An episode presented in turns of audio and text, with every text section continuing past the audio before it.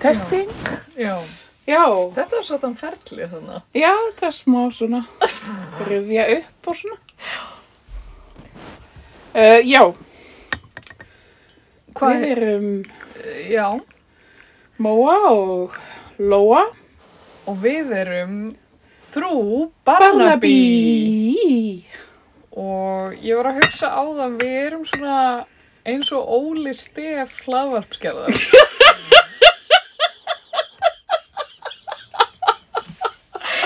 við bara svona vöðum úr einu í annað og engum er fyllilega ljóst hvað er í gangi. Já, nema við getum ekki skreitt okkur með handbóltafröggum. Nei því miður. Nei. Við erum eins og Óli Stef ef Óli Stef hefði aldrei verið í handbólta. Fyrir hann er frænda hans Arnars. Já, ok. Ég veit samt ekkert hvernig þeir eru skildir. Ok. Mér finnst svo fyndi að, að, veist, það er fullt af fólki sem að, eins og amma var alltaf að segja í fréttum bara, já, þann, er hann frændiðinn. Hvað amma var líka alltaf að þessu og svo fór hún að rekja það fyrir manni. Já, þú veist, amma var sko ekkert að rekja þetta fyrir manni, nema ég fór ekki tíman að skoða, þú veist, á, á, þú veist, hvað heitir þetta? Íslandíka bók. Já, þú veist, að því hún sagði alltaf að Karl Ágúst hverjum einasta fókings föstu degi að lögudegi sem var hann í, í Spurst þú henni? þá kom alltaf, já, hann er frændiðinn, Já. hann er frænd okkar. Aha.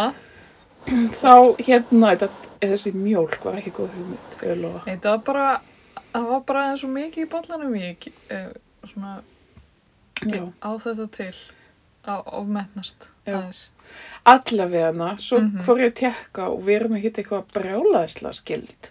Nei, ekkert meir en kannski meðal maðurinn. Ég, þú veist, ég, hvort það var í fymta liði eða eitthvað. Ok. Þú veist, sem er alveg ágætt, en samt ekki þannig ég sé nokkuð tíman að fara að hitta hann á, Ættamóti. já, Þú ert ekki að fara að sjá hann út á götu og æpa, hæ frændi. nei, ég meit, sem var pínu vandræðalagt vegna þess að ég var eitt tíman að segja, þú veist, ég held ég að eitt tíman að hitta hann og sett bara, já, amma var alltaf að segja að þú verið frændi minn. Já. Ég held ég sé samt búin að loka á þetta moment að ég hef ekki búin að gleyma hvernig hann bara við. Það hefur verið ofandralegt.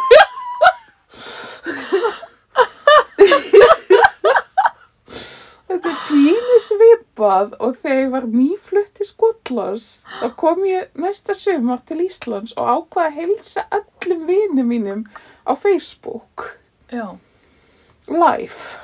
Ok, já. Mér fannst þess að ég gæti ekki verið að tala við þetta fólk ekki. Já. Þú veist, ég var, þú veist, þetta var á ennþá svolítið óljóst þessar svona samskiptareglur. Já. Það bara skapaðist mjög mikið af vandræðilegu mómentum þetta sumar. Já. Fólk var ekki mikið að hilsa mig tilbaka.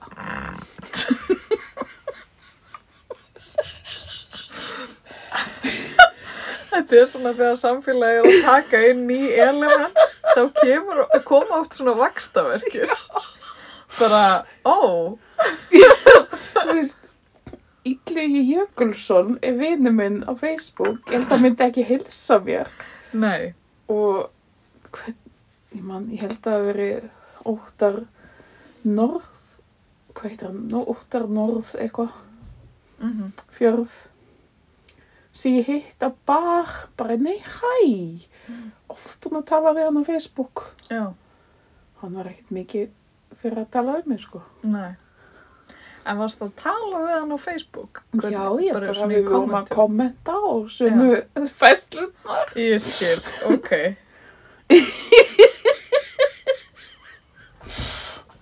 Það er sko umurlegt af því að ég var unglingur í árdaga Facebooks já, og þá var Facebook á svona gullöldinni eins og við köllum á það gullöldinni.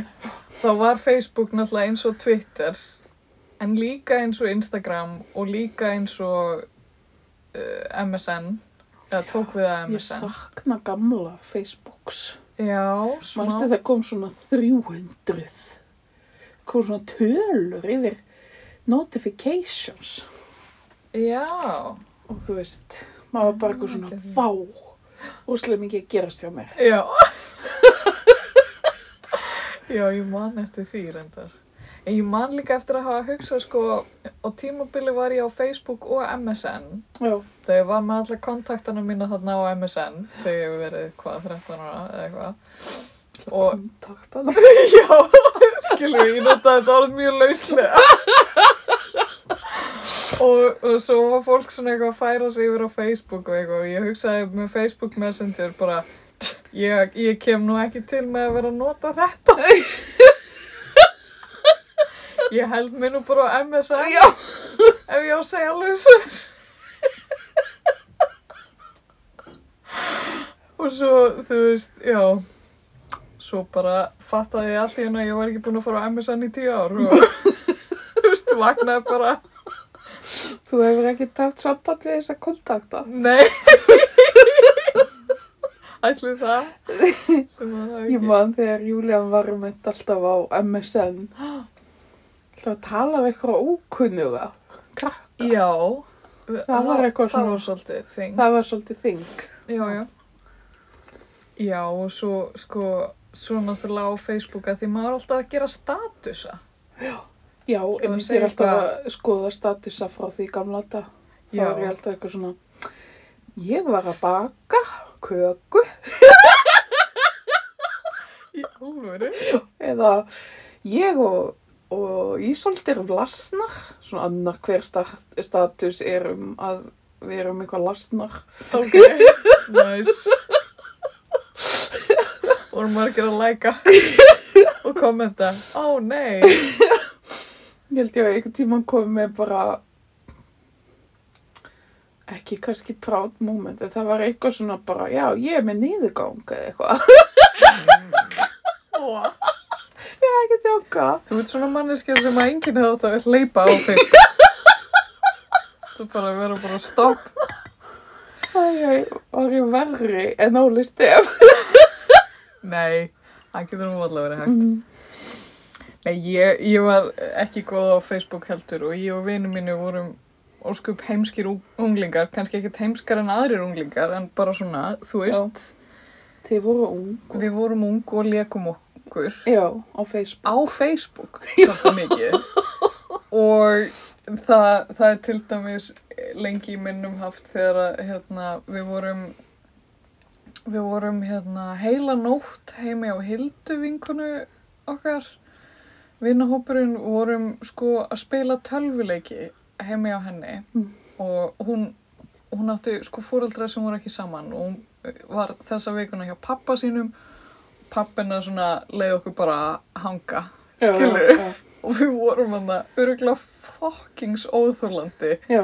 svona þú veist alveg fimm manns eða eitthvað Jésús minn, ég hef dáið. bara upp um alla veggi eitthvað og þú veist að spila einhvern tölvuleik og, og hérna og svo, svo vorum við líka með tölvu þar sem að opið var sko Facebookið hennar Hildu vinkun. Já, já, já. Þannig Þið að voru svona að gera. við vorum að gera statusa fyrir hana og þetta er kallað eitthvað svona kvöld hérna hundra statusa. En ég og Einar Jóhann vinnur, við, við sátum bara við tölvuna og vorum að, veist, vorum að skrifa niður eitthvað það sem bara fólk var að segja í samtölum sínum Já. og þú veist, það eru statusa sem eru bara eitthvað svona Æ, nei, djók, deyðu eitthvað svona, bara svona það sem fólk var að tala um í, við tölvuleikin Já.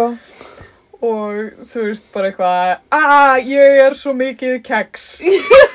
Eitthvað. Og með mjög svona dulafullan húmor. Og svo bara í alvörunni svo, svo ásækir þetta mann svo út af því að þú veist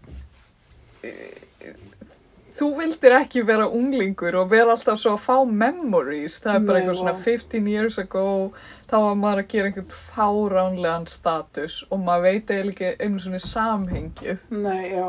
Ég sko, til þess að fá svona cringe já, faktor, já, eins og stelpinu myndi segja, þá skoða ég dagbækurna mína sem ég skrifaði. já Það er algjört cringe. en það er gott stöf Oh my god, það er svo ræðilegt stöf. Vest samt því ég fann eina dagbókinin í herbyggi ekki hjá Ísól. og hún var bara eitthvað, ég bara býtu, þú veist, getur ég að minnst kosti falið það betur. Það sést að njósnum mig. En finnst þér það samt ekki smá gaman? Eða þú veist, Nei, nei, bara enga við. Þetta er svo átakalegt. Að þetta er fullkomlega átakalegt. En hún er allavega áhugasum um þetta. Já, Ég veit það ekki.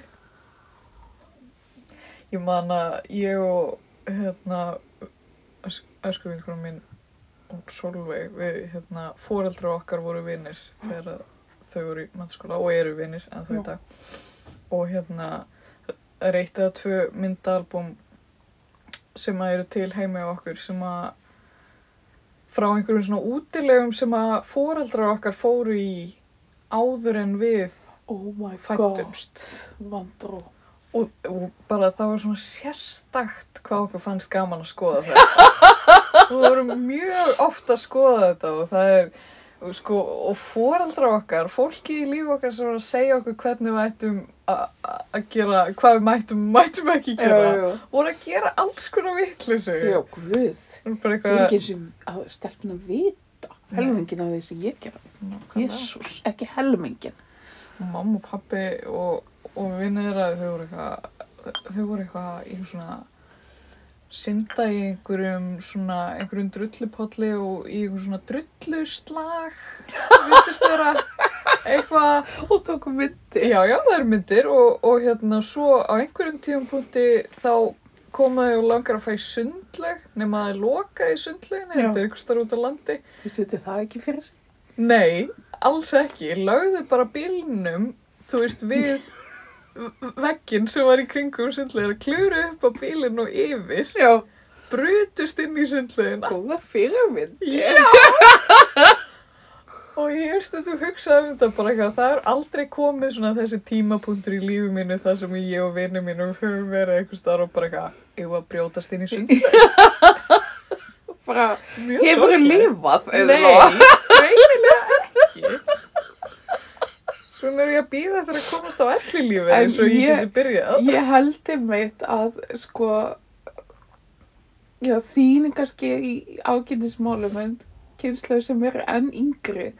Þetta er svo ofvördað og þetta er svo mikið njósnað um þetta fólk.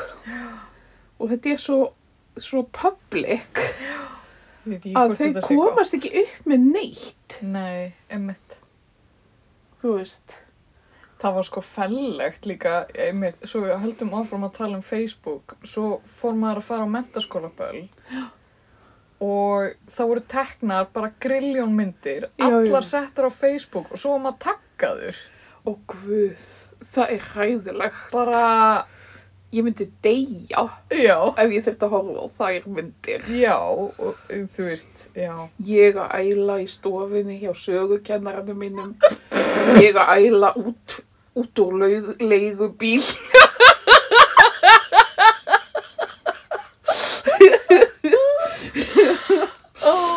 Ég út úr því að reyna að ljúa mig inn á 22. Jú, jú, ég er fullorðin. Ég glemdi treflinu mínum aftur. Ég varð að fá þennan trefil. Þetta þetta triks virka eiginlega nánast alltaf. Ok, nice. Mm. Ég var sko, ég var 19 ára þegar ég var byrjuð í listafaskólanum, þannig Já. ég var eina í Vá, bæk. var svo ung. Já. Þú var svona séni. Ég er séni, þú skalt nú ekki gleyma því. Það er þess vegna sem þú hefur ekki lifað. Ég veit það, ég sé svo eftir þessum tíma sem að ég var eitthvað að í að vera eitthvað, þú veist, að fá góðar einhverju í skólanum, algjör tíma eða En hérna, ég var, þú veist, ég var yngst í bekknum og mátti ekki kaupa mitt eigið áfengi og mátti ekki fara inn á staði. Þannig að ég var bara eitthvað, þú veist, var eitthvað á svolítið bömmir yfir þessu og hérna svo, þú veist, það var mikið verið að fara á bari og oftast var þetta nú ekkert vandamál en maður var með fólki sem maður var, hvað Þú segir ekki taka mynd af bollum. Já, ég skildi ekki þetta láta. Ég skal taka mynd. En hérna, En já, þannig að þú veist, ég var undir lögaldri og var að reyna að gera allt sem allir voru að gera og, hérna bara svona eignast vini og eitthvað, gera mitt besta. Mm. Og hérna, og svo man ég eftir því að einhvern tíman vorum við að fara á Factory sem að var og hétt einu sinni. Núna er örgulega búið að byggja eitthvað hótel og ná því. En hérna, þá var einhver sem stoppaði mig og spurði mig um hérna ID og ég var aldrei með eitthvað svona gerfi, þú veist, Og aldrei að ljúa. Nei, ég var aldrei með eitthvað svona gerfi nei, eða eitthvað skil, skilríki frá einhverjum Nei, öðrum eða neitt nei. svoleiðis. Þannig ég síndi honum bara skilríkin mín og ætlaði bara að vera gett köld út af því að þú veist, það var ekkert eitthvað langt í að ég er því tvítug. Þannig ég var bara eitthvað, hérna. og hann svona vissi ekki alveg hvað... þú ert ekki tvítug. Varstu bara, kannti ekki að lesa. Já, bara... oh, já, Það er svolítið gott. Já, ég reyndi það. Ég held að hann hafi samt ekki leift mér inn. Svínið. Já. Ég hef nú gert það bara svona upp á, Já. en þú veist, ég hef náttúrulega aldrei verið dýraður. Kannski segir ég mistlegt. Já. Þú ert sættur. en ekki þú. Ekki þú. Ekki jafnsætur. Stelpur, nei. Við viljum yngar stelpur.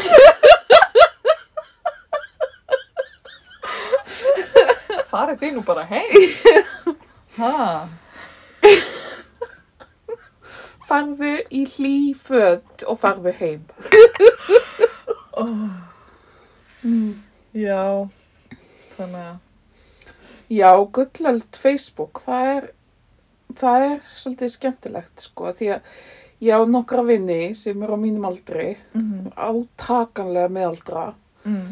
eins og ég, og þeir eru alltaf tala um, þú veist, hvað er nenningi verið Facebook og, og hvað þetta sé glatað og eitthvað svona. Ég er alltaf að segja við þetta fólk, bara, þú veist, þú þarft ekki að vera á samskiptamiðlum í dag því þú mistir af gullöldinni. Þá er það til einskils. Já, Í Facebook í gamla þetta var gaman. já. Núna er þetta ekki gaman, Nei, þú veist. nei. Þannig að þú veist, haldu bara áfram að vera fúll og meðaldra og ekki á samskiptamiðlum. Já. Já, verður bara heima hjá því. Hætt að trubla okkur hinn. En já, það, það er, þetta er nú svolítið erfið dagur í dag í mannkjössunni. Já. Glataði dagur. Við, við hjá frú Barnaby lýsum við stuðningi við Úkrænju fólk Úgrænu menn, já. og uh, Við erum á móti stríði. við, já, það er aldrei, aldrei rétt að fara í stríð. Nei, en það er náttúrulega búið að vera stríð þannig átt ár. Jú, jú. En þetta er, já, sko þetta er náttúrulega stríðið mjög slæmt. En maður finnur svolítið fyrir, ég verð bara að segja það. Já. Boris, Macron og hanna, Biden og félagar. Já. Þeir eru svolítið ánægir að vera komið svona skýran óvinn. Já. Að þeir geti bara, núna þeir getur Boris hægt að tala um allt partihaldið, Já. þú veist, og allt sem hann er búin að vera bara klúðra Já. og fara að tala um, þú veist, Putin. Já. Höfum við talað um í frú Barnaby eitthvað um Boris Johnson og börnin hans? Nei, við höfum talað um hárás. Ok, heyrðu. Ég ætla að segja þér eitt um börn Boris Johnsons. Þessi nýjustu eða? Hann á allavega sex börn, Ok. langar maður að segja. En hann hefur aldrei gef, þú veist, hann hefur aldrei getað staðfest það við fjölmiðla hversu mörg börn hann á. Af því hann veit það ekki sjálfur. Ég veit það ekki. Nei. Hann bara neytar að fullir það á almennu vettvangi hvað hann á mörg börn. Þessi maður er fórsitisráð þeirra. Ég veit það! Og maður er bara eitthvað, hvernig, hvernig er hægt að treysta honum fyrir neinu? Hvenær myndi kona komast upp með þetta? Aldrei. Aldrei. Bara hvað á ég mörg bönn? Hver veit? Ég ætla að fara að segja þetta. Hver veit? hvað er það? Ég veit það ekki. Fyrir eftir í hvað til Ert þú barnið mitt? Fyrir all bönnin mín. Oh, Hann á tvö ný. já, tvö nýleg. Já. Og eitt þeirra virðist hafa verið svona eiginlega getið inn í fyrra hjónabandi. Eða þú veist, með ný, nýju. Ó, Eða þú veist, það er svona tímasetningar eru þarna svolítið á reiki. uh, unfortunate Já, á skil. köflum. Já, Eða, eða það fannst mér allavega þegar ég var að skoða þetta einhvern tíma. já, maður þurfti að skoða þetta ekkert tíma. Já. Já, þetta er til dæmis, núna getur hann sagt, hvað er mörg bönn? Sjáu þið Pútín? Pútín? Hvað er Pútín að gera? Hvað? Pútín mörg börn? Já, hvað á Pútín mörg bönn? Þú veist, Pútín er allavega ekki svonur Boris Johnson. Nefn, já, að því að við vitum. Mm. Þetta er fínasta te sem þú komst með. Já, og svo, svo kom ég nú lí- líka með kryddbröð frá Já, heyrðu, þetta er Petrón þáttur. Já. Og það var amma Siri í Hafnafyrði sem að styrti frú Barnaby þetta Já. skipti Heldur betur. með sínu dásala kryddbröð. Þetta er annað skipti held ég sé fæta. Ó. Og ég er orðin húgt. Já. Ég sko, amma Sirri hefur látið mig hafa uppskriftina Já. og ég hef einu sinni gert á bara örglega í sveitinni. En mér finnst, þú veist, að því að það er svona á til sem að við fáum kryddbrauð frá ömmu sér í svona algjörlega, þú veist, það er alltaf eins í læginu, það er alltaf gert á vissan hátt og, og svo bara kemur það svona, mann er alltaf óvart eitthvað, ó, hérna er kryddbrauð fyrir ykkur. Það er bara svo miklu skemmtilegra Já, já, já, já, ég veit nákvæmlega hvað áttu. óvæntileikin og, og Já, að og- einhver hafi, þú veist, verið að hugsa til manns og baka handa manni Þetta er eiginlega bara ótrúlega falleg hugsun. Já, það er eitthvað svo, svona, Ég kann ómet- bara, frú Barnaby kann mjög vel að meta Já. hérna, þessa sendingu Já. úr Hafnafyrði. Og við erum búin, eða við erum búna með allt Já, það kláraðist á, á tveimur sekundum, Já, eiginlega. Og engin annar fekk. nei. Mm. Oh, Hérna, og það er nú ekkert lítið mál að komast úr Hafnafyrði til Reykjavíkur þessa dagana. nei. Fóru þið á puttanum í kær? Já. Við þurftum að bara fara að putta um með gröfi. Já, einmitt. Það er svolítið þannig sko í þessari gott. svona, það er svona listamenn svona, svona dreif víð og dreif um göttuna. Þetta er ákveðin gjörningur sko. Já. Svo eru bara, svo standa listamenninni bara svona út úr sköflunum, bara Já. svona eins og hopphjól, Ég bara veit. við og dreif. bara, hvernig dagaði ég hér upp? Sem minnum á það að hérna nú er ekki kjartans með sýningu í Rúslandi. Já, up with that? Hvað þá? og fleiri íslenski listamenn, náttúrulega. Körver Já, með þarna ískápaverkefni séð úr ískápum mynd, myndatökumanna. En heldur það sé ekki mikið að rússum líka í heiminum sem eru bara eitthvað, oh, hvað, What the fuck? þú veist hvað leiðtói okkar og leiðtógar okkar eru miklu ráðutar. Jú jú, ég held það. Voru einhvað rússum að mótmála í dag Já, einmitt. hjá sendiráðinu. Sendiráðinu var dásalega vandræðilegur í fréttum að segja Nei, nei, þetta er ekki innrás.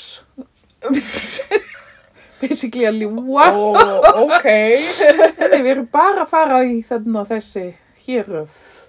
Já, Æ, þetta var algjört rugl.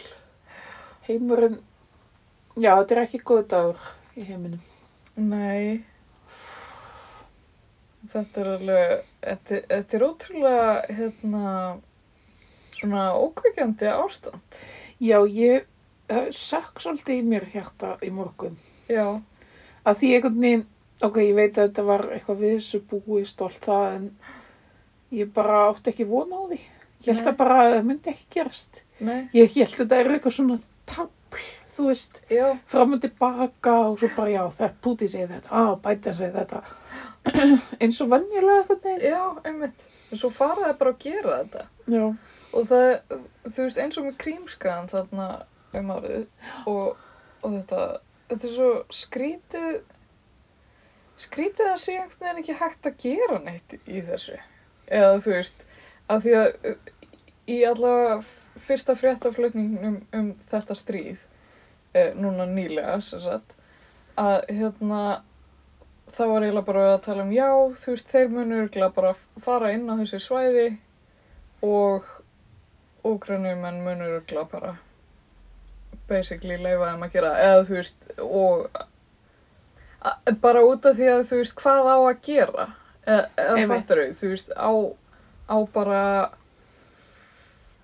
e, eða skilur á bara að vera full on stríð eða þú veist það vil það já enginn en svo, þú veist, svo er búið að vera stríð uh, að því það er hellinga rússum þarna já, í Úkrænu sem vilja ekki að þetta sé Úkræna nei, emitt og þannig þeir eru búin að vera að berjast við einhverja og rússar sem hafa verið þar. Og þetta, en þú veist, svo heldur einhvern veginn að rússar myndi bara ráðast inn á þau svæði. Já, en það er ekki þannig. Nú ætla bara Putin bara þakka nýrið já. En það er bara, þú veist svo skrítið að við höfum öll þessi lög og gildi einhvern veginn í heiminum og þú veist, þetta, þarna er Rússland og svo er Póland Já, og svo já, er já. Úkraína og svo, svo gerist eitthvað svona og þú veist, það er einhvern veginn bara virðist ekki vera neitt sem að sem kemur í veg fyrir að fólk gerir bara hvað sem þeim Já. sýnist já, einmitt, og svo er ekki bara fólk það er bara einhverju kallar já, einhverju valdakallar sem Já. gera bara nákvæmlega það sem þeir vilja og þú veist, þeir eru ekkert að upplifa stríð. Þeir eru bara eitthvað svona að tefla en þú veist, svo er fólkið. Þú veist, bara eitthvað fólk er svo við að upplifa stríð. Já, sem er samt ekki við, en þú veist Nei, fólkið einmitt. sem býr þarna. Já bara venjulegt og er bara eitthvað venjulegt fólk eins og í fréttum þessi maður sást hann já, með svon sinn í kerrunni. Nei, ég sá það ekki var bara hann í neðjara lest og bara já, já, ég er svolítið hrættur um svon minn. Já, þú veist, ég bara þetta er svo óhugnalegt að vera einhver staðar og þú, veist, eins og við hérna við, þú veist, við höfum engin völd. Og ef einhver annar rísa land ætlar allt í henni að ráðast á okkur já, þú veist, þá erum við bara starf ykkur stræt og skili bara já, ég bara vonað, já, þú veist, við komumst út úr þessu. já Æ, ég veit ekki, já, nei, þetta hljómar ekkert. nei, nei, einmitt það veist það, já, það hlýtur að vera hræðileg svona óvissa einhvern veginn fyrir svona hinn almenna Já, borgara já, Já. Já, það var einhver, einhver einmitt á Facebookinu mínu sem sagði, já, ég er ekki komið gott af, af því að gamli hvítir kallar ráði öllu. einmitt, Eitthvað þú svo. veist, er það ekki bara? Já. Uh, Uh, ekki það að mikið að skjálfulegum gamlum hvítum konum og ungum. ég veit ekki um neina, nei, tjók. Nefndu eina. Mar Marion Le Pen, Ok, Theresa May, uh, Margaret Thatcher. Margaret Thatcher. Þegar hún dó, þá var þau líka fögnuður í Skotlandi, vissir það? Að það, Það var bara, það var svo sagt, við byggum þá í Skotlandi. já. Það voru flugeldar. Má það? Ég veit að hún var hörmuleg. Hún var sko meira en hötuð í Skotlandi. Hún var, Ok. hún var verri við skota heldur en englendinga og þú veist, þá er mikið sagt. Þú veist, hlutir sem hún gerði eru bara svona nánast, uh, já, það er bara ömurlegt. Mm. Já, Já, æ, þetta var nú eitthvað í krán og eitthvað. Hún, þú var nú bara óvenju eitthvað manneskilega það, fannst mér. Já, reyndar. Heyrðu, reyndar, ef við að fara í díunu hot smá? Já, bara, Bara svona já, það er reyndar svolítið mikið að frétta úr því. Já, fyrst við erum svona á þeim slóðum, sko, komin. Dínuhotnið. Lastu falsfréttinnar um að drottningin var í dáin? Nei, ég nefnilega mist af þeim. Þú veist, hva, hver gerir svona? Að því að sko ég, náttúrulega, hún, drottningin er búin að vera með COVID. Já. Við vissum það. Við vissum það. Ég fylgdist nú kom aðeins með því. Æ, svo veit ég ekki hvernig mér tókst að missa þessu vegna þess að ég sko búin að vera að skoða innviði húsins hjá Edvard og þú veist ég hvað og bara skoða hérna heima hjá, þú veist, ég, ég er endalust að skoða ykkur fréttir um þessa fjölskyldu, þannig Já. ég skil ekki. Já, Katrin fór til Danmörkur um daginn. Hún var líka í jakka úr söru. Já, um, ég vissi það. En mér tókst að missa af þessum falsfréttum. Oh. Þannig að do tell. Ég bara, það var einhver fréttamiðl sem að lauði að hún væri, að þetta væri bara skúp. Það væri verið að halda þessu leyndu og að drottningi verið dáin. Ok. Daily Mail. Mm, Nei, þetta var einhver, einhver svona slúður síða. Já, já. Þú veist, svona, einhvern tímann hefði maður kannski kallað þetta blogg. Nei, ég veit það ekki. Ég, ég, mig ekki alveg fyllilega á þessu. Ok. En það er búið að taka þetta tilbaka Já. og drottningin er ekki dáin. Og sína eftir sjá. Já, ég held það. Ég held að, eh, held að við hafi beðist ásökunar, sko. En hérna, já, bara áhugaverð vika. Já, sko, já, drottningin var lasin. Já, Og við segjum maður bara, ok, nú er þetta búið að fara allan er Já. allir búin að fá þetta. nú er, dro nú er drottningin, já, þú ert ekki búin að fá COVID. Pff, ég er, ég er svo sann, ég fekk hann tvær dularfulla pestir. Já, Ég, bara, ég trúi ekki öðru en þessi setni hafi verið COVID, að því hún var svo dularfull. já. En samt tók ég svona sjálfsprófi eða hvað sem það heitir. Þau eru mjög léleg. Eða það ekki? Jú, Já. Ég bara nefndi ekki að fara hann að skunda hann í þetta drasl. nei, ummitt. Ég held að þessi hraðbróf séu bara mjög léleg, sko. Því við vorum með COVID og við fengum neikvætt úr svona hraðbrófum. Ah, ok. Þér að segja, sko. Mm. En hérna, já.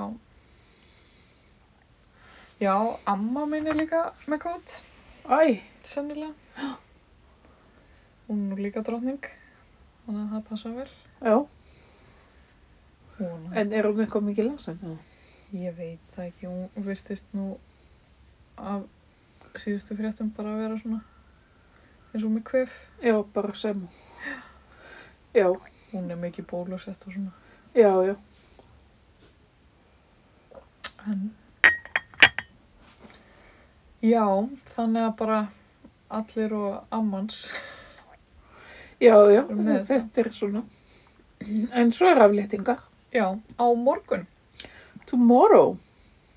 Ætlar að halda eitthvað upp á þetta? Um, Ætlar að fá djámið? ég nenni því ekki. Ég er hæ, lungu hægt að nenni að fara tjámið. Ég meiri að segja að það var lung, það var búið að líða alveg sex mánuðir af, af 2020 því ég fattaði að það væri búið að loka börunum eða eitthvað. Ég var bara, ó, Á! ég vissi það ekki. Ég hef að las einhverja grínfrétt, eða grínfyrirsögn sem var eitthvað rauð klamidíu viðvörun. Það var svolítið gott. Æj, æj. Ó, Let's not go out there. Ég reyndar, ok, ég verð bara að segja alveg svo er að ég er búin að komast að því að ég er með meiri kvíða fyrir rauðum og appelsingulum viðvörunum já. heldur en fyrir veðrinu sem slíku. Já, þú ert bara hrætt við óttan. Já, þannig ég, eins og núna þegar kom rauð viðvörun í vikunni, Já, þá var ég gjörsamlega á taugum og var að fylgjast með á veð.is, þú veist, það er svona strik hvenar að byrja að vera raukt og hvenar að er ekki appi sem gullt og, og ég var bara eitthvað í vinnunni sko og ég var bara eitthvað, já þurfum við ekki að loka fyrr, ha, hm, við ver- verðum að vera ábyrg hérna og svo náttúrulega tókst okkur ekki að loka fyrr að því einhver kona glemdi veskinu sínu og já, já. og þú veist, svo þú veist, fór ég út í veðrið rétt áður en rauða viðvörunin kom á og ég var á gjörsamlega á taugum Já, og það var bara slitta, já, bara þlik vonbriði og þú veist, núna veit ég að það er appisingulu viðvörun á morgun já, það. og hún byrjar klukkan 12 Ok, eða 11 til svona cirka vita. 5 mér finnst svo fyndið, sko, ég kíki aldrei, aldrei á veðrið á veður.is. Nei. En einhvern veginn tekst mér alltaf að pikka upp. Þú veist, ég hlusta ekki á útvarpið, ég hlusta ekki, þú veist, horfi yfirleitt ekki á fréttinnar. Mm. Er ekki bara því að þekki mig, já? Ég, þú veist, það er þú, mamma og pappi og kannski starki. og einhvern veginn bara svona síast þetta inn í meðvitunduna mína, bara eitthvað svona, ég er alltaf látin vita af því hvernig veðrið verður. Svona veður amaba. Já, ég er alltaf kvartar aldrei að mér sjálfri eitthvað svona, að, hvernig ætli veðrið verði e, þegar að lappa heim úr vinnunni á eftir? þú veist, mitt er alltaf eitthvað svona, já, þú veist, ég verð hvað sem er lappandi, þannig að, þú veist, akkur að vera að svekja mig á því að það verður rigning á eftir, þú veist, eitthvað núna. Ég sko, ég, þetta er nefnilega búið að vera þróun hjá mér. Ég pældi aldrei neitt í veðrinu. Mm, Aldrei. nei, Og svo einhvern tímann lendi í því og ég með stelpunnar heim hjá afvömmu og þegar hérna síðust árum þáttu ég heim í blokk hérna á móti smáralind. Já, já, já, og hérna upp á fymta hæð. Já, og það var einhvern veginn myndaðist og svo mikil vindur hann að neðst það. já, svona eins og vindgöng eða það. Já, og allavega þá erum við, ég er eitthvað heim hjá þeim og það er, virkar ekkert eins og sé vindur nema við erum að fara heim. Já, og ég er að, veginn, og það er einmitt, það er nákvæmlega þessi árstími að því stelpina voru búningum. Og það var eiginlega öskudagur, ég var nýbúin að kaupa búninga á þar. Já, ég man eftir þessu, mjög vel. Og svo erum við eitthvað að fara út í bíl og það er eitthvað svona prinsessubúningum. Og Karolína tekst svona loft. Og ég er næja að sko svona rifja þeim inn í bílinn. Og þá átti ég, ég reyndar svona svarta svona skikju sem ég gekk um í. Já, sem er ekki ósvipað núna en hún var bara ull. Ok, og sagt og hún er ekkert fljúandi og hérna og allir eh, ég var með eitthvað, ég veit ekki af hverju ég var með ég var með síma, ég var með GSM síma. Já, svo gamlan takka, eða þú veist. já, já, og hann fauk.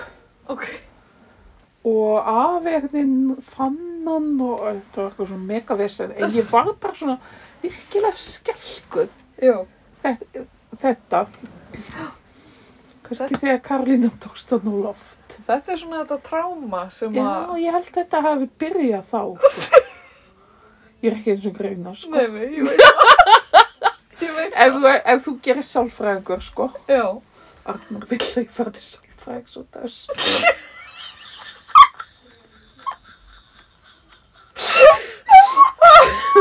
ekki segja neinum, auður Jörgundsdóttir. Og Jóna Hlíf. Þetta er lindamál. Og hinn er tveir hlustendur okkar. Áslögu er gert því haldi kjátti. Kata, við vitum að þér hérna heima. Þú ert, þú ert náttúrulega með COVID.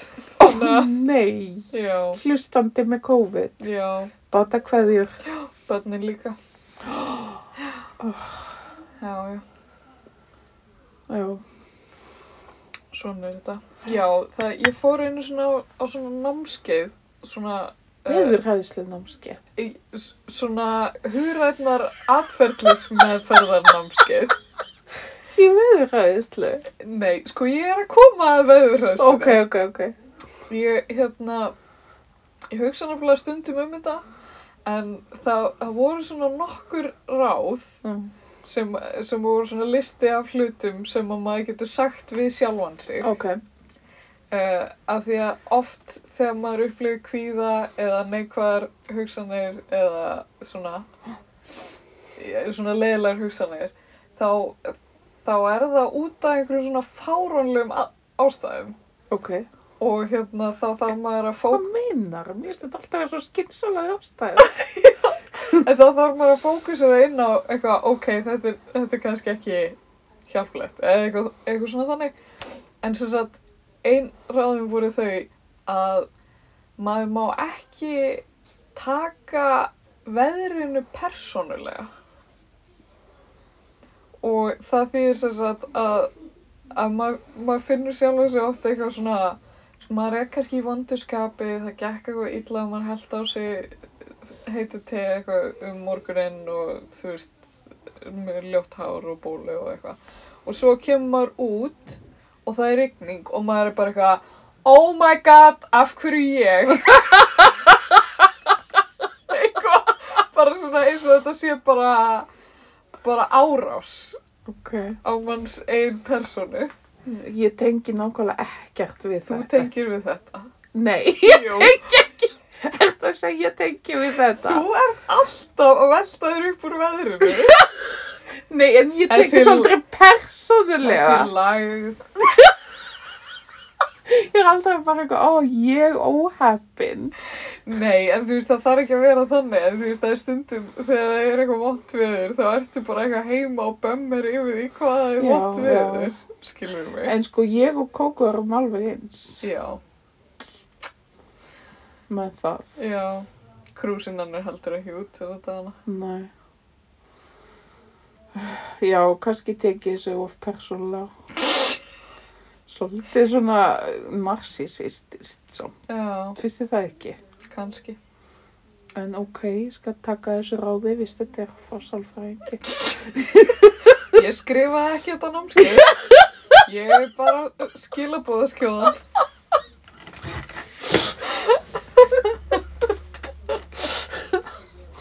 Séu, hvað var þeim á þáttari? Óli Stef. Já, svo var ég að að vinna í einu verkefni og það leiti mig bara til Berlínar og svo, svo var ég bara að hugsa um þjóðsagnapersonur og Díunu prinsessu og... Já, hér við vorum í, við vorum í díunahotninu. Já! Oh my god! Við erum bara búin að gleyma okkur. Já, Ok, drottningi með COVID, hún er ekki dáin. Uh, er eitthvað að frétta Prince Andrew? uh, er ekki bara þöggun í gangi þar? Jú. Bara, Ég var að hlusta eitthvað podcast um daginn sem að hann var svona kom fyrir í. Uh, jú, jú, það er ennþá þetta vesen á honum Harry. Hann getur ekki komið til Bretlands já, út af þessari, og af því að löggan getur ekki Já. varið hann eða eitthvað. já. Hann er ennþá grænið því. Já, Ok. um, um, hérna Kalli eitthvað Já, er hann að gera eitthvað? já, svo, svo náttúrulega er það eitthvað að velta sér upp úr þessu ammali bara þannig að Ammæli. þetta Jubilee Já, er það en þá, Já, þú veist, þá verður ekki svona dagskrá, sko. Því það er, það er búið að aflétta öllu núna í Breitlandi og Skotlandi. Ok, uh, bara öllu? Já. Ok. Já, áhugavert.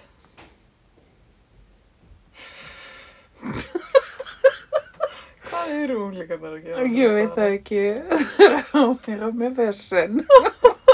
Lappa upp og niður stiga, Tala. tala, gera make-up. Já, endalist. En já, dressa sig upp eins og Britney Spears þegar ég var unglingur. já, Mér finnst það áhugavert. mjög. Það er sem sagt retro núna. Já, Svona Þú veist- low-cut jeans. það er ömulegt retro, svo það er svo, það er svo umulegt. Ég hélt að- Ég held að hámark ömulega retrosins hefði verið 90s, Já, en nei, nei. það er bara, Nei, það nei. er bara mér að segja töff með við Já. 2000s eða eins og krakkarnir segja Y2K. Segja þau það? Já, Oh my god! Alvöru? Kjúkjútin. Nei. Vita þau hvað það er? Já.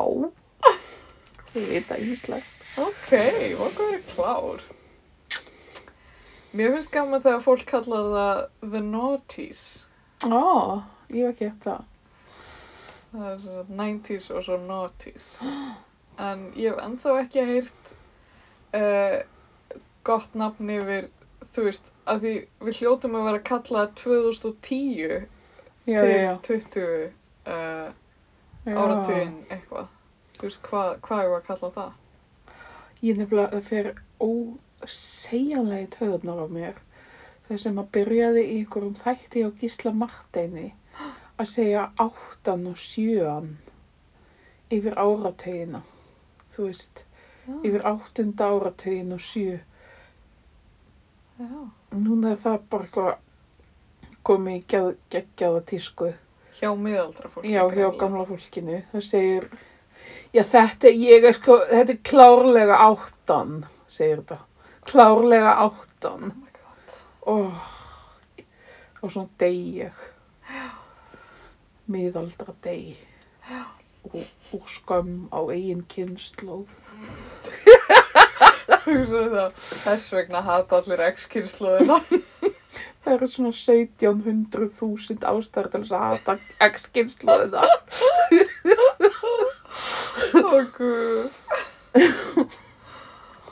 Oh. En það er eitt sem verður bara að segjast sem þið verðið hlustundur að heyra. Gattu með það? Já, það er alltaf allir að tala um, sko, þú veist, Greta Thunberg og fleiri að, að hérna, eins og þau séu búin að vera að finna upp að vera góður við jörðina og allt þetta. Já, og hérna umhverfisvernd. En ég man alveg því ég var lítil, já, þá var við umhverfisunda sinnuð.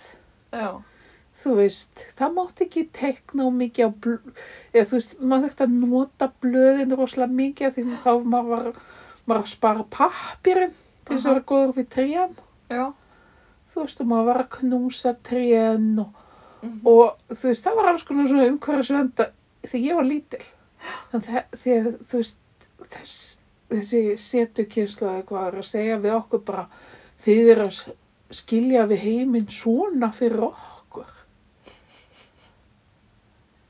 Bara Halló? ég var að spara pappir Já. fyrir þig bara í óða önn. ég bara, ég tekna ekki mörg á, bara svo. Hún gerði aldrei heimanámi mig. Bara fyrir þig. Skömmin þín. Og þú veist, hvenær heldur þetta organik hafi byrjað? Það var Já. ekki að byrja, bara í fyrra, Nei, já. Emmitt. Þú veist. Hipparnir voru nú svolítið í þessu. Já. Það var hérna, hipparnir voru svolítið í hérna mataræði sem að, hérna, sem, sem að he- heitir eitthvað svona macrobiotics. Já, já, já, já.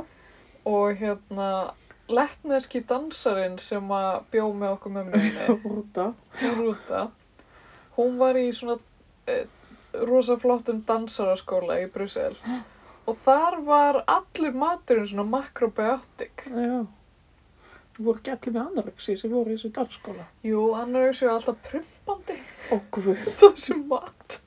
Já, emmitt. Veist, það sem ég hef borðað af linsubönum um æfina.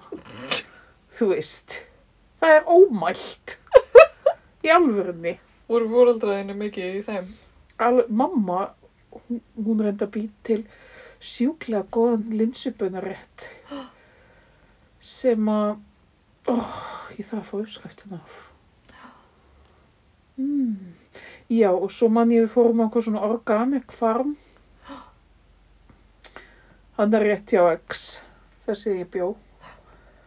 Þessi ég smakkaði einhver svona mjólk með einhver svona ferskjubragði. Ég veit ekki hvað, þetta var bara eitthvað svona, þú veist, búin til af einhver himneskri kú eða eitthvað. Já, ferslu kú. Já. Ég bara, ég hef aldrei smakkað betri á æfinni. Ég hugsa oft um hana. Ah. Ég Nice. verið svona átt ára. Ég er ennþá að hugsa um hana. Já, Þú veist, það var svona hestar og bara svona hamingi sem dýr út um allt og bara hippar. Borða heima baka brauð og eitthvað ah, og ferski mjölk kósi. og litsupinni. Oh. Þú veist, hvað voru heiparnir ekki að gera? Það ég horfði líka nýlega á heimildamyndum um einhverja heipa sem voru með einhverja hugmyndum svona biodomes Mm. sem sagt að byggja svona kúlur, þú veist, svona eins og perlana þannig, nema að, þú veist, þau, þau voru með eitthvað svona, hérna, einhverja tilraun með að þau voru búin að rækta upp skó og bara alls konar lífríki inn í þessari kúlu. Svo fóru þau e- eitthvað svona fimm manns til þess að búa, alltaf að búa inn í kúlunni í, þú veist, ár Já. eða eitthvað og rækta allt sem þau borðu, já, já, já, vera sjálfbær. vera sjálfbær, en þau þurftu líka sagt, að búa til sitt eigi súrefni, Ó, guð, þú veist, inn í kúlunni, hvernig ætlaði að gera það? nú með plöntunum Já, já, já. og eitthvað. Kemur í ljós að það er alveg rosalega mikið af plöntum til að búa til Þeir súrefni. dóu öll. Nei, það var eitthvað svona koltvísýringsvesen og þú veist, þau voru öll bara eitthvað svona lágu bara og voru öll í gett vondu skapi og leið gett illa og svo bara eitthvað svona, já, koltvísýringurinn er bara allt og allt og hár og eitthvað. Heyrðu, það er kannski ástand fyrir þessari stríðs. Þú veist, kannski er bara, er fólk ekki fánægilega mikið, kannski Pútín ekki fánægilega mikið súra. Ég hef nefnilega hugsað pínu um þetta, sko, eftir að hafa hort á þessa mynd, þú Já. veist, að því þetta, uh, það var mjög áhugavert að sjá hvernig kol, of hár koltvísýringur var að hafa áhrif á þau. Þau voru rosa þreytt og pyrruð og höfðu litla orku Já, og eftir það hef ég verið að hugsa rosa mikið um svona loftgæði og eitthvað, út af því að, þú veist, bæði í borgum er ekki kannski alveg nógu mikið af gróðri einmitt. og svo náttúrulega á Íslandi er svo langur vetur líka og svo er svo Satanískur. mikið af bílum og þú veist, þegar maður er úti þá er maður bara endalaust eitthvað að anda að sér einhverju svona menguðu lofti úr bílum Þess vegna er betra að vera inn í bílnum. Tjók. Já, nei, andjóks, þú ert örugglega að anda bara miklu betra lofti að þú ert bara farþegi í bíl heldur en að þú ert að lappa eitthvað, skilur Ég vil nú tala sem vinur yngabílsins tjók. Akkurat núna á þessum ástíma, þá er ég vinur á yngabílsins. oh. Ég er ekki eins og grínast. Sérstaklega Japans. Já, já. Ég er ekki og reyna, reyna að vera kaltæðin, en það, það er bara átakalegt að búa á þessu landi. Já, það er, það er ekkert grín að vera gangandi vegfærandi þess dagana. Nei, og sérstaklega eftir þessi meðsli veist, þegar kemur svo ójáft, Já, undirlega. þá bara er ég svo asni Já, þegar ég er að labba. einmitt. Það er mjög slæmt aðgengi. Mm Ég hugsa líka, þú veist, tala nú ekki um ef maður væri í hjólastól, en þú veist, vinkunum mínar sem eru með batnavegna, Guð minn almáttur, ég bara, ég skil þetta ekki. því ég er að hugsa stundum, ég, þú veist, mér finnst erfitt að komast á milli staða og ég bara, ég á mínum tveim fótum og bara allt í, allt í lagi, ég get lappað yfir, þú veist, hóla á hæðir og eitthvað, en það lítur að vera ógeðslega pyrrandi að komast á milli staða með batnavagn eða einhverja kerru eða, Ég, ég, ég, myndi, ég væri ekki komast út bara úr þessu húsi. nei, Það er gangstéttin í ruglinu já, já, og Gatan. gatan. líka, Og það er eitthvað svona, svona garðar. já, Og þetta er mjög skrítið vegna þess að það er sérst leikskóli í göttunni. já, Og venjulega hefur gatan verið bara sæmilega vel já, mókuð gegnum tíðina. En hún er eitthvað glemst þetta skipti. En, en var ekki eitthvað, einhver frétt um daginn um að, þú veist, það er bara allur snjómókstusbúnaðir hjá Reykjavíkuborg er bara eitthvað gamall ónýtur og þú veist, það snjóar venjulega ekkert svona mikið, þannig að það er venjulega ekkert svona mikið álag. Nei, það, þú veist, þetta er svolítið, við búum á Íslandi. Þannig að, halló, en þú veist, þetta er eins og í Skotlandi, þeir eru einhvern veginn í svona afneitun um að þeir búi frekar norðarlega. já, Þannig að, þú veist, þannig að það snjóar alveg stundum,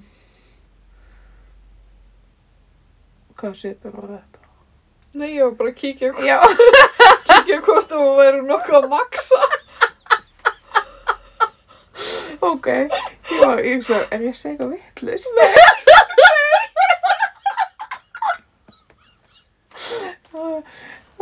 já, allan og þannig að, þú veist, fyrsta leikunni er ekki búið til hús, ok.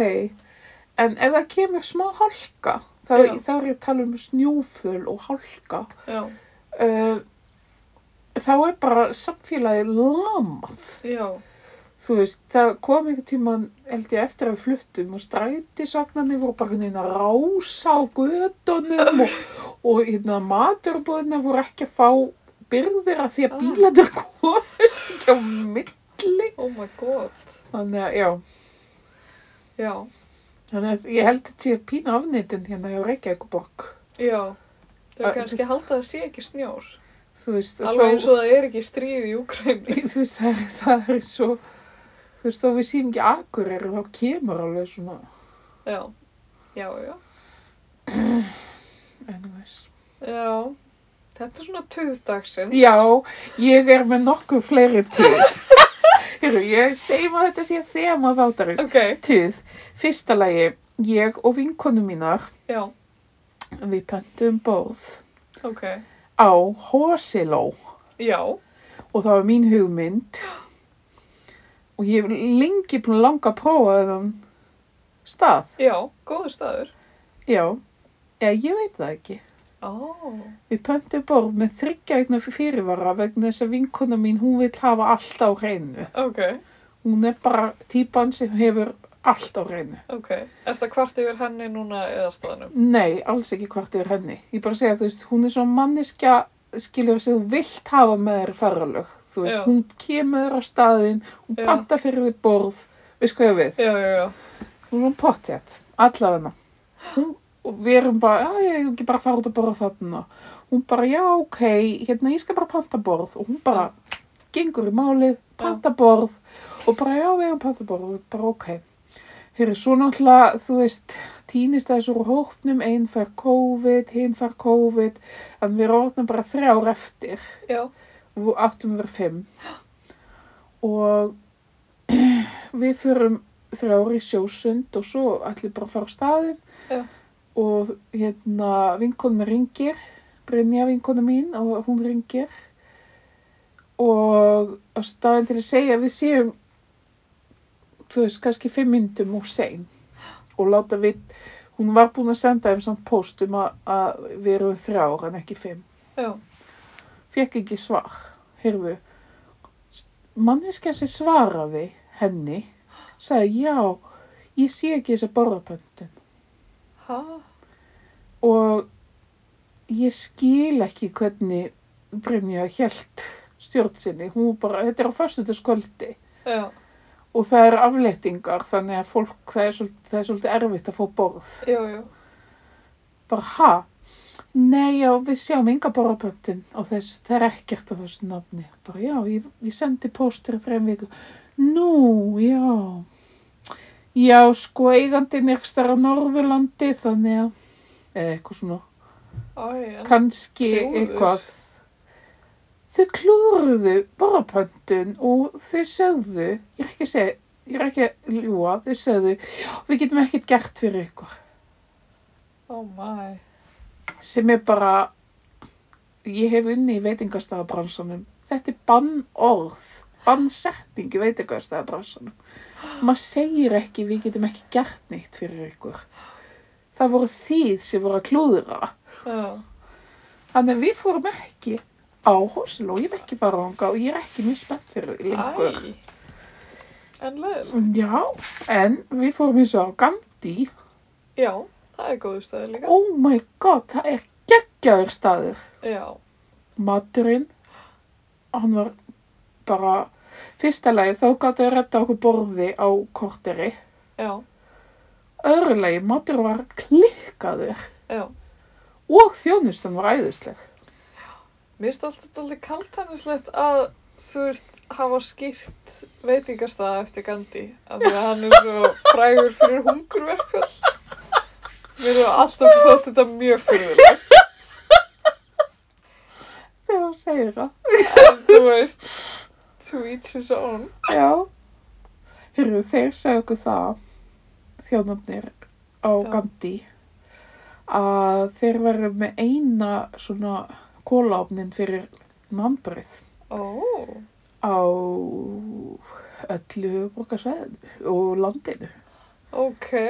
Þannig að það er eina alvöru nannbröð sem færð. Eigum við að fara í ársatið? Já, Gandhi? Totally. Bara á morgun?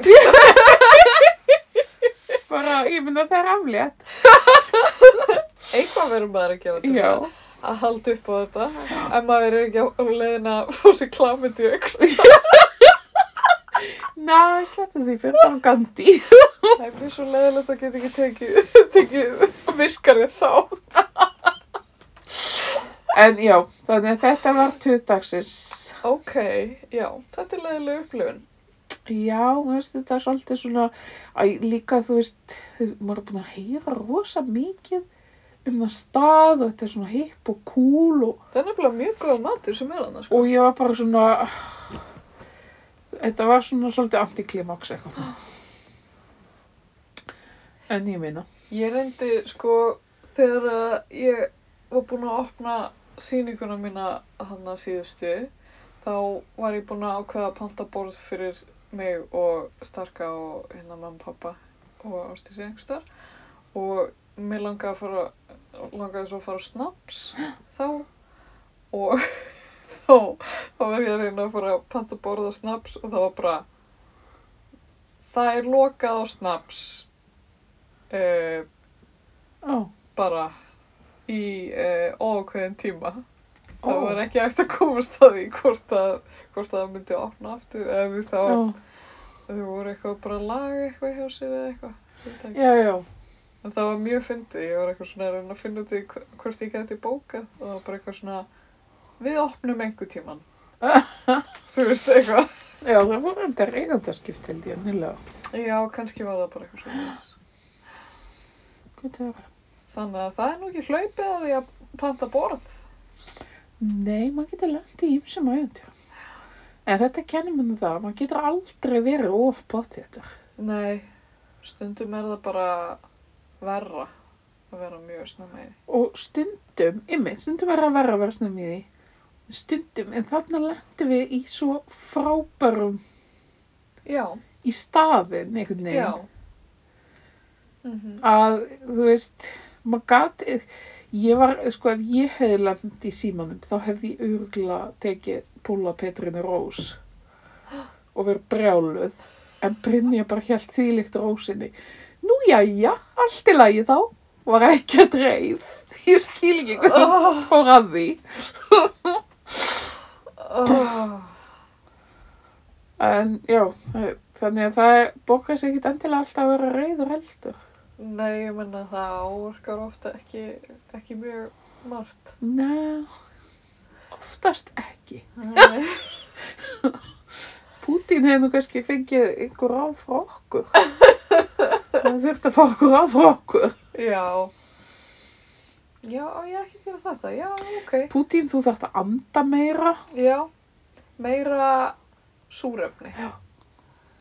Uh, meira sjósund. Já. Um, meira Og ekki vera of pottéttur. Já, ekki plana of mikið Já. fram í tíman. Um, baka, Já, Meira. baka. þú veist, Emmi, það er mjög róandi. baka og slaka. Já. Uh, já, Hvað erum við að gera með þessu hlaðvarp okkar? ég veit það ekki. Ég held við höfum aldrei vitað það. Einhverja stefn?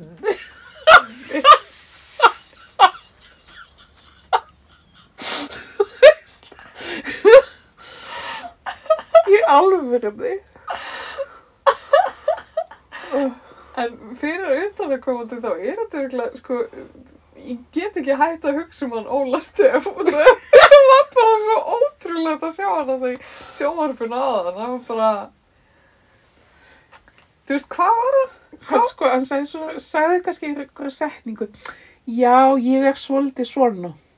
Og svo, sagði, og svo tók hann strax tilbaka, en ég er ekki svona. Já, Þannig að þú veist, það er einhvern veginn, þetta er eins og að horfa á svona.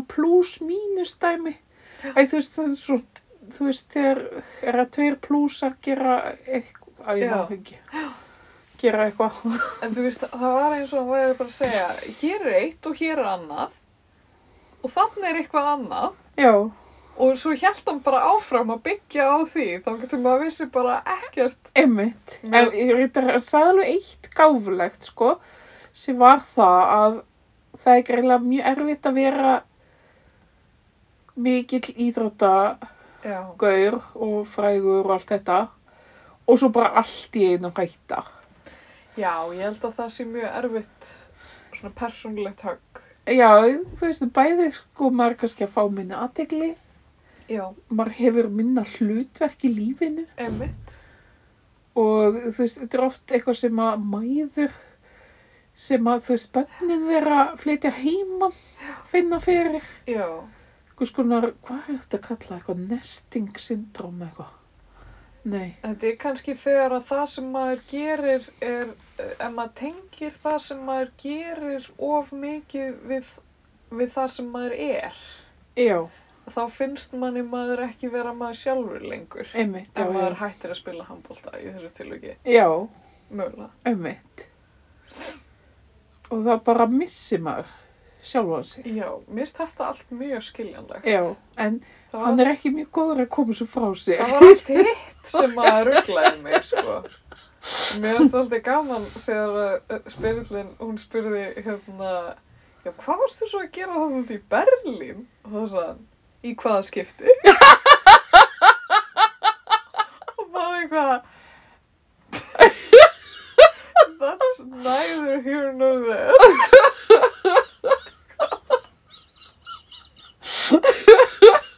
Svo var ég í Berlín, svo var ég segja þessu, svo var ég hér, svo var ég það, ég var hér, ég, ég hef gert mjög margt, ég hef gert, ég hef gert þetta verkefni og ég hef gert þetta verkefni.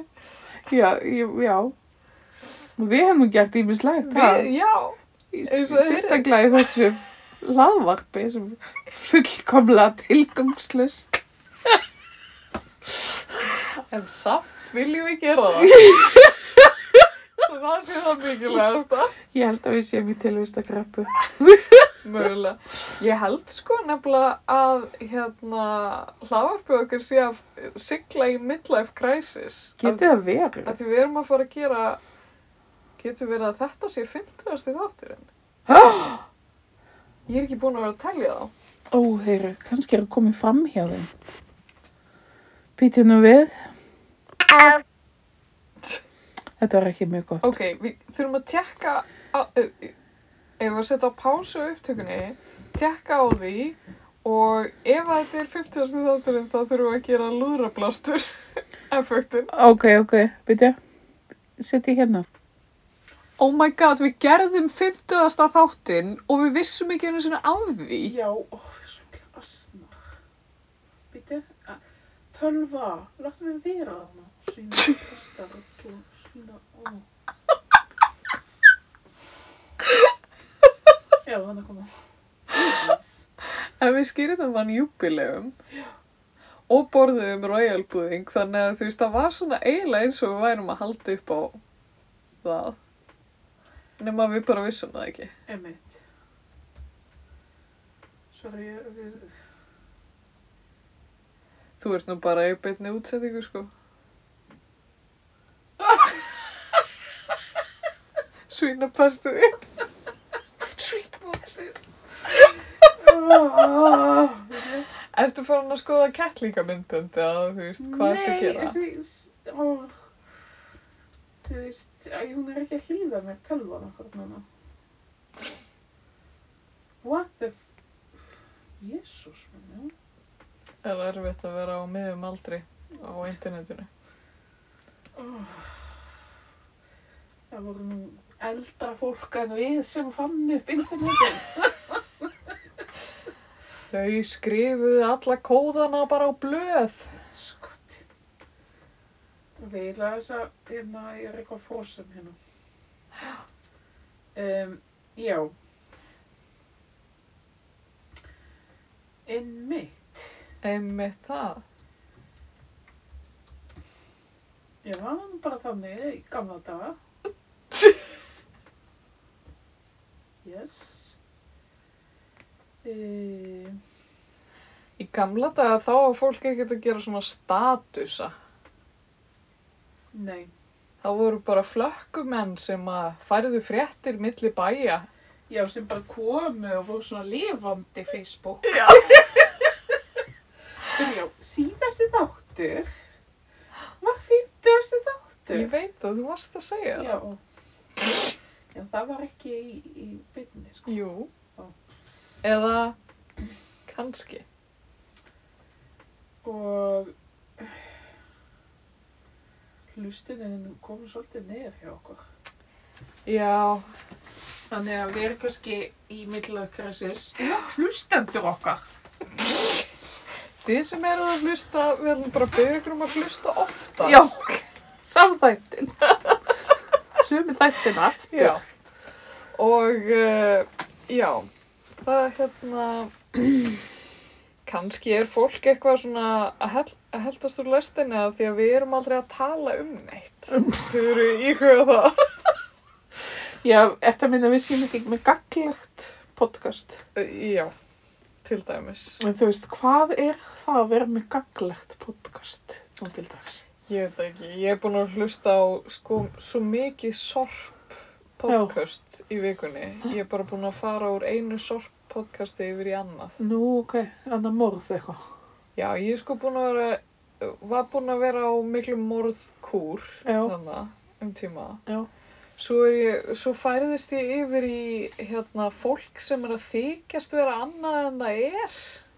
Já. Af því að finnst morðin vera, orðið, það búið að vera svo mikið morð að ég var svolítið paranoid. Ertu búin að sjá þetta hann á Netflix með hann að önnu hann á Sorokin? Þessi hérna, já, býtu, hvað kallaði hún sig? Eitthvað Anna Delvi? Já, ég var að hlusta podcast um hana. Já, ok. Það Ég nefnilega, ég er búin að horfa alla þættina. Ég, er þetta á Netflix líka? Já.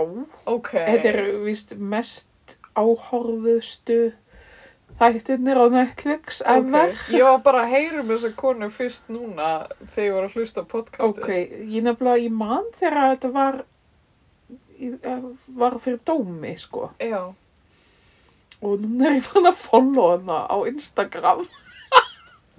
Og hún er ógæðislega fyndin. er hún komin úr fangilsi?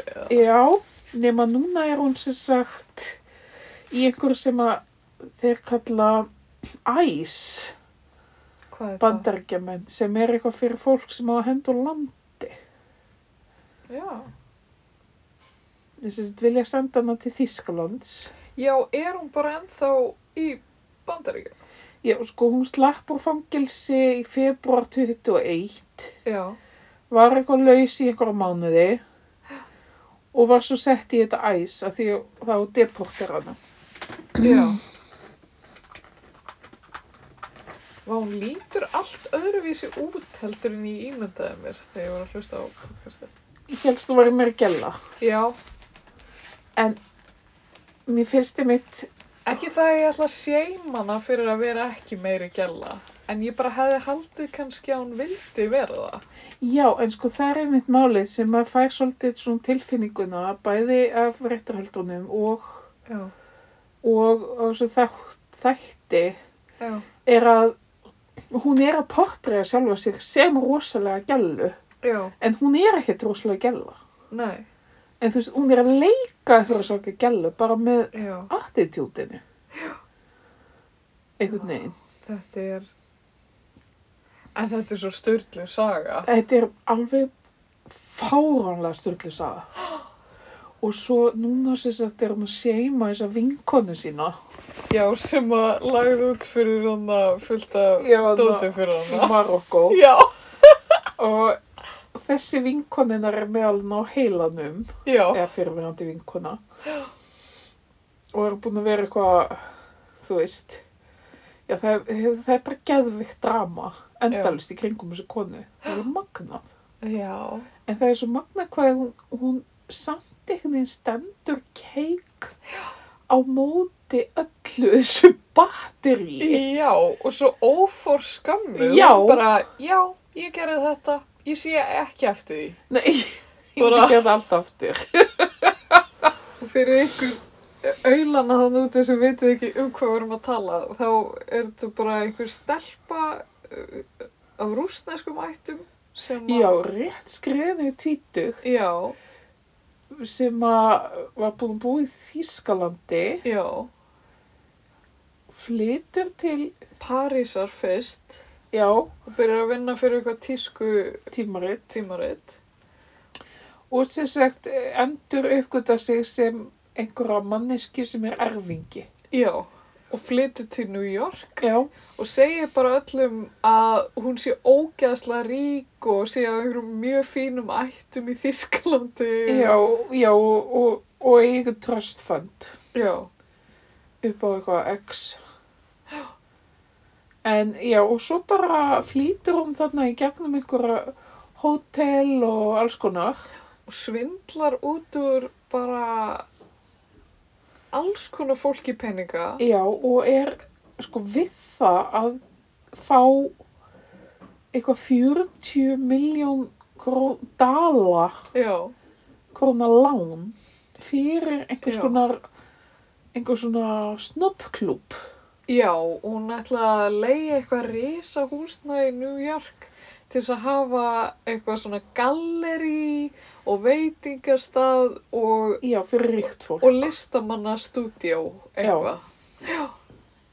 Einmitt. Einmitt, og já, eitthvað svona, já, dæmi og, Og hún og, bara, og á, í leiðinni fær hún eitthvað svona brjálan yfirdrátt já, einmitt. Bara eitthvað 200.000 dalir þú veist, ég vil ekki eins og vita hvað það er mikið til, íslensku til þess að geta uh, gefið sem collateral fyrir þetta risalán já, hana. og svo er hún bara eitthvað að falsa skjöl. Hún er búin að búa til tvö alter ego eitthvað sem lögfræðingur eða skrifstöðustjór hún er bara að senda, það er í raun og veru bara hún sem er að senda alla þessa e-maila ekki vinna Já, já, en mér finnst þetta ótrúlega metnaður hjá henni, þú veist, bara, og til hvers, eða skilur þau? Já, þú veist, já, einmitt, hún verður sko að hafa eitthvað metnað Já, til þess að ve- vera eitthvað rosalegt. Já. En hún er ekkert endilega sko að greifa þessa peninga en þú veist, Nei. samt lifa á hvernig standard. það eru völdin held ég sem að hana þystir í. Og þú veist, ég meina hvaða kallpungur hefur ekki gert þetta Jú, jú, jú. Já, Eðlilega. þú veist. í skriljónir.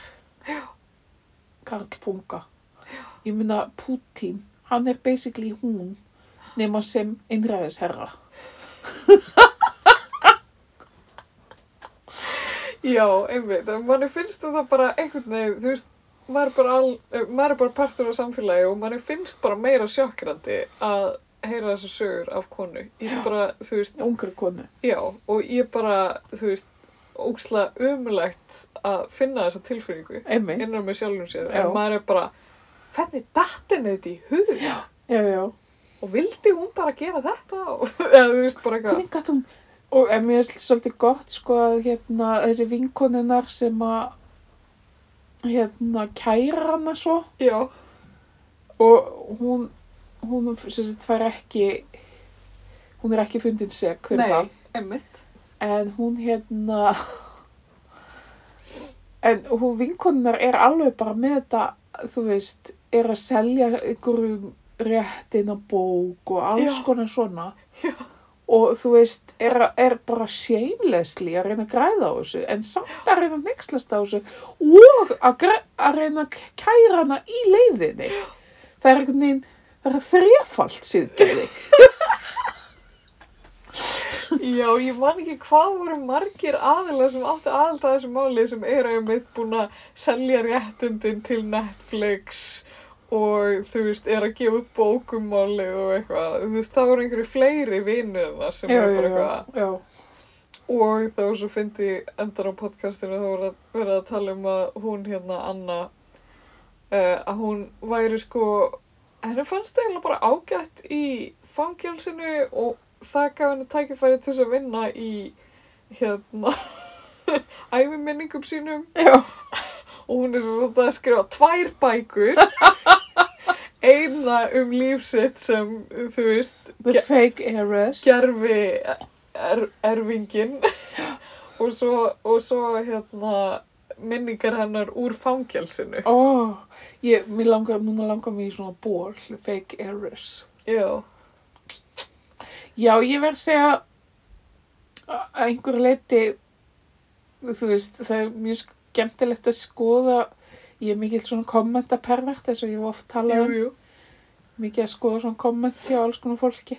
Já, og það er mjög mikið að sjá, gaman að sjá um til þessi komment hjá fólki á til dæmis Instagramininnar. já, það sem að það er bara oh, go home. Eitthvað, þú ert ömuleg bara hérna, sníkjudýr eitthvað svona. Já, og svo inn á milli bara vá, þú ert bara þvílík hetja að geta gert þetta eitthvað svona þetta er bara endalist bara vega salt öll þessi þú veist að hún einhvern veginn náði að snúa á þetta Já. mjög svo karlaga kapitalíska kerfi sem ung kona. Það Já. er bara ákveðið já, afrek. ég menna ekki hefði ég geta gert þessa hluti. Aldrei. Svo er hún líka, þú veist, frábær leikona að verist vera, af Já. því að, þú veist, hún bara einhvern veginn rugglaði sig út úr alls konar svona social situations, þóttist þekkja fólk, einhvern veginn, þú veist, var einhvern, ég, ég bara, þú veist, það er svo margt í þessu sem að ég bara gæti ekki Emmitt, já.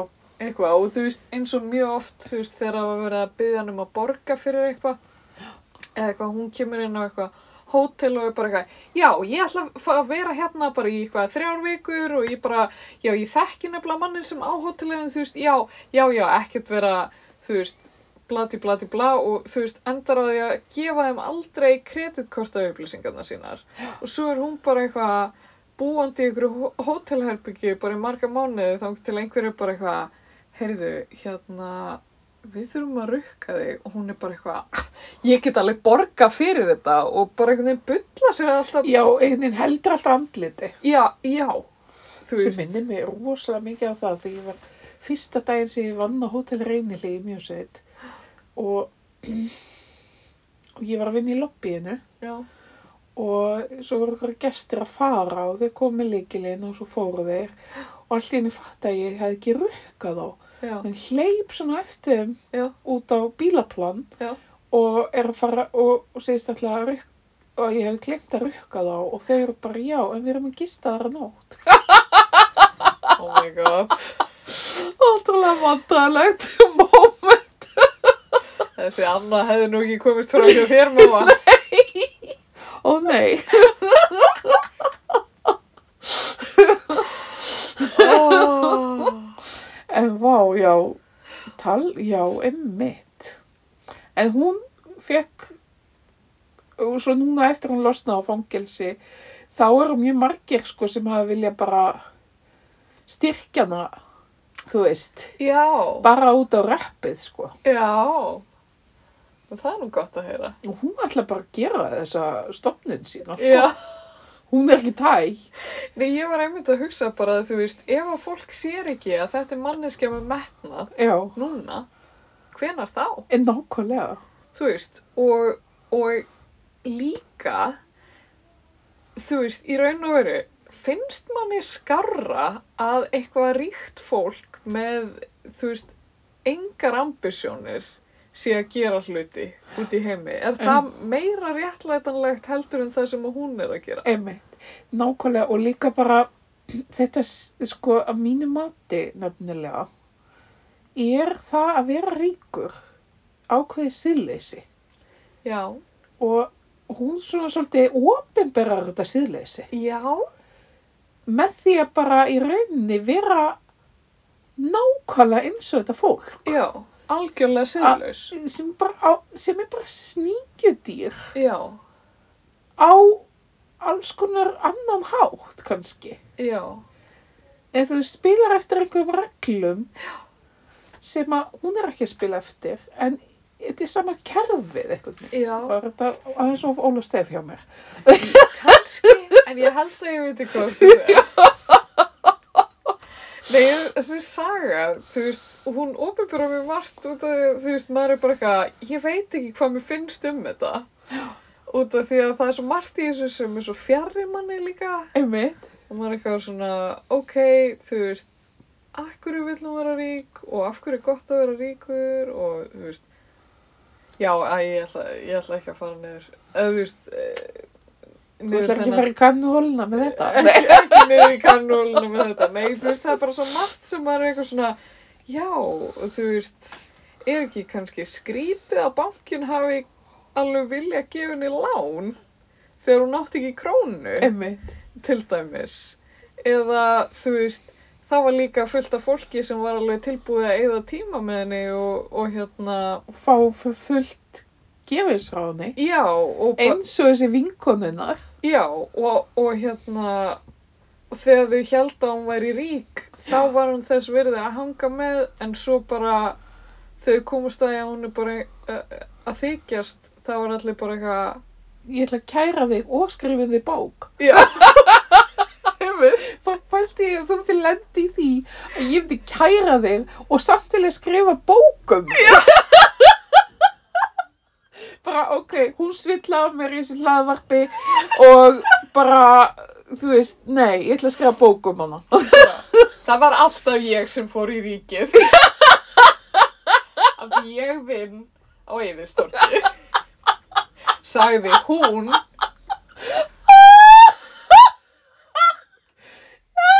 Kemur í ljós.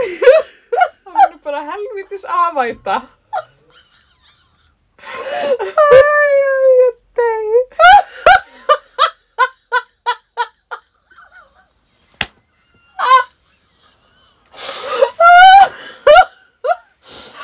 Og ég þurfti að sjá um tæknivinnuna. Ok, ég hef greinilega aldrei eftir að heyra endan á því þegar ég líkti þér með Nei, kreditkort af vinkonunnar. það, það mun vera byggð á því. En ég mun aldrei borga það tilbaka. Svo þú veitir það núna. Ég spá ég bjóða þér ekki til Marokko. Það finnst bara eitthvað svona, ok, segjum bara, ok, við erum bara við, þú veist, að því við erum ekkert eitthvað verri að betur stæð heldur en þessi manneskja, Nei, þessi nei. Anna. Nei. Ef, ef þú myndir bara segja um mig, heyrðu, auður, komdu bara með mér, við förum bara til Marokko, Ég Ég- býð þér til Marokko. ég býð þér, leið, í- þú veist, ég leiði villu, það verður butler og við borðum bara, þú veist, ég bara býð þér, þú verður listamæðurinn í ferðinni og svo, eh, viltu ekki bara bjóða einhverjum tveim líka viniðinu með? Já, Og svo förum við bara og gerum það og borgum ekki krónu fyrir. Eða nei, já, ég borga, í svo endan þarf þú að borga. já, fyrir allt. Það er smá svona bömmar. Ég bað mér fyrir mig, ekki ekki fyrir þig. En hérna, það er mynd svolítið fyndið í þessu þáttum þessi, senur í Marokko. Mér finnst það svona borderline hvað langar að segja rasismi? Ok, hvað, hvernig? Æ, það, þú veist, þú þarft eiginlega að horfa út á og segja mér hvað það finnst. En þú veist, það, þau eru á okkur fáránlegu hóteli. Já. Bara eitthvað svona klikkuðu svona fyrir ríkt fólk hótel. Mm Allt er góð með það. En þú veist, þjónarnir eru portræðar sem einhvers konar nánast ofbeldismenn, skiluru. Ó, Sem er einhvern veginn að fangelsa þau. ó, Eða með hótunum. Eða þú veist, ég skil. og mér finnst þetta svona pínu svona ég get alveg ímynda mér að það sé til svona hótel í Marokko og að þau þurfa að hafa einhver ákveðna standarda. Já, en mér fannst þetta kannski svolítið íkt já, í á þá leiði svo þau væru bara einhvern veginn strandaglópar í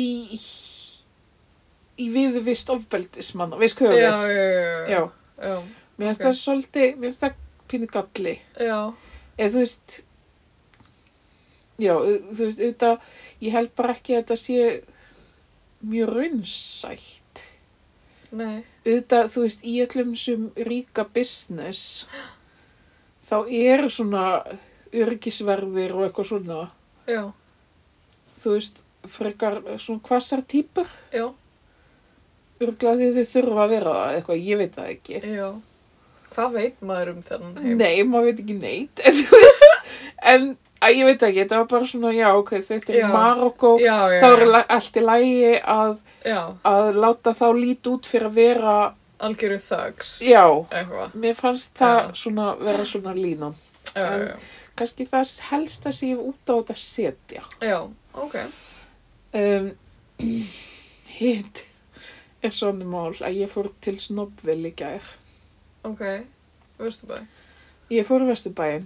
Já, og ekki nóg með það. Ég átti leiðum Vesturbæinn þannig ég ákvaði að kaupa kvöldmatinn í melabúðinni.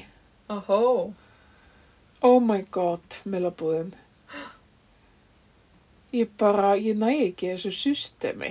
nei, Ég, sem sagt, ég var að koma úr sundnámskeiði og ég var svo sein og eitthvað og ég ákveði að kaupa svona tilbúin kjúkling Já. og franska emmitt, og maður þarf sem sagt að fara, maður er svona einhvern veginn að tróða sér inn í búðina. emmitt, maður er alltaf fyrir einhverjum, Já, og svo þarf maður að fara röð til þess að fá miða, já, til þess að fá franskar.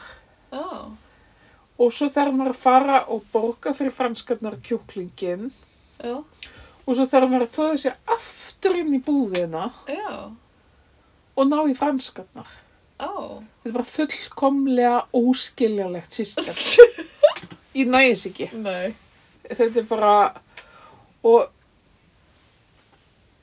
og já, og svo er allir eitthvað svo snobbaðir hana. Mér sé úlingarnir eru snobbaðir. Nú, nú líkur töðudagsins. Já, ok. Mér langar að enda á jákvæðum nótum uh, uh, því sem ég hef komst að í vikunni uh, í þessu, hérna, þessari sorplustun minni á hinn ymsu hlaðvörp er að hérna, fólk sem er að gera hlaðvörp þess að dagana er rosa mikið á mínum aldri. Og kannski svona örlítið eldra.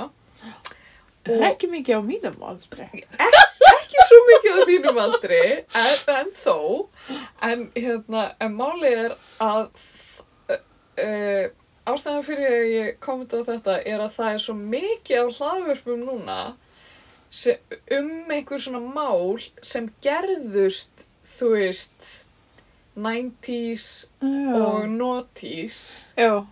og, og þú veist það er verið að fjalla um eitthvað svona sjónvasefni sem að ég kannski hef hort á Já. eða þú veist eða það er einhver eða ég er bara búin að hlusta mjög margt eitthvað svona, ég var að hlusta á það er einn serið um Hugh Hefner Ok. með Playboy Svínið. já og þú veist það einhver, voru einhver svona raunveruleika þættir með honum sem Oh. ég man eftir að Já, hafa já, séð já.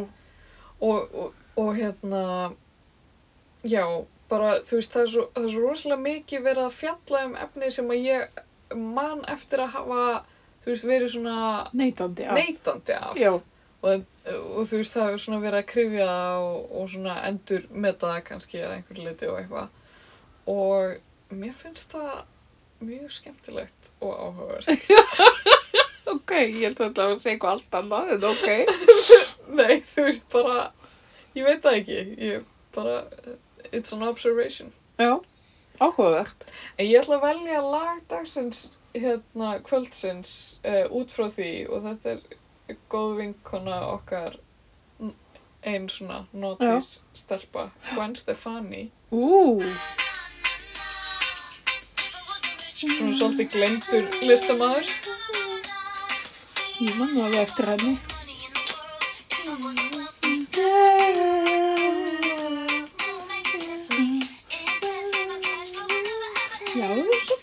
Þú segir það.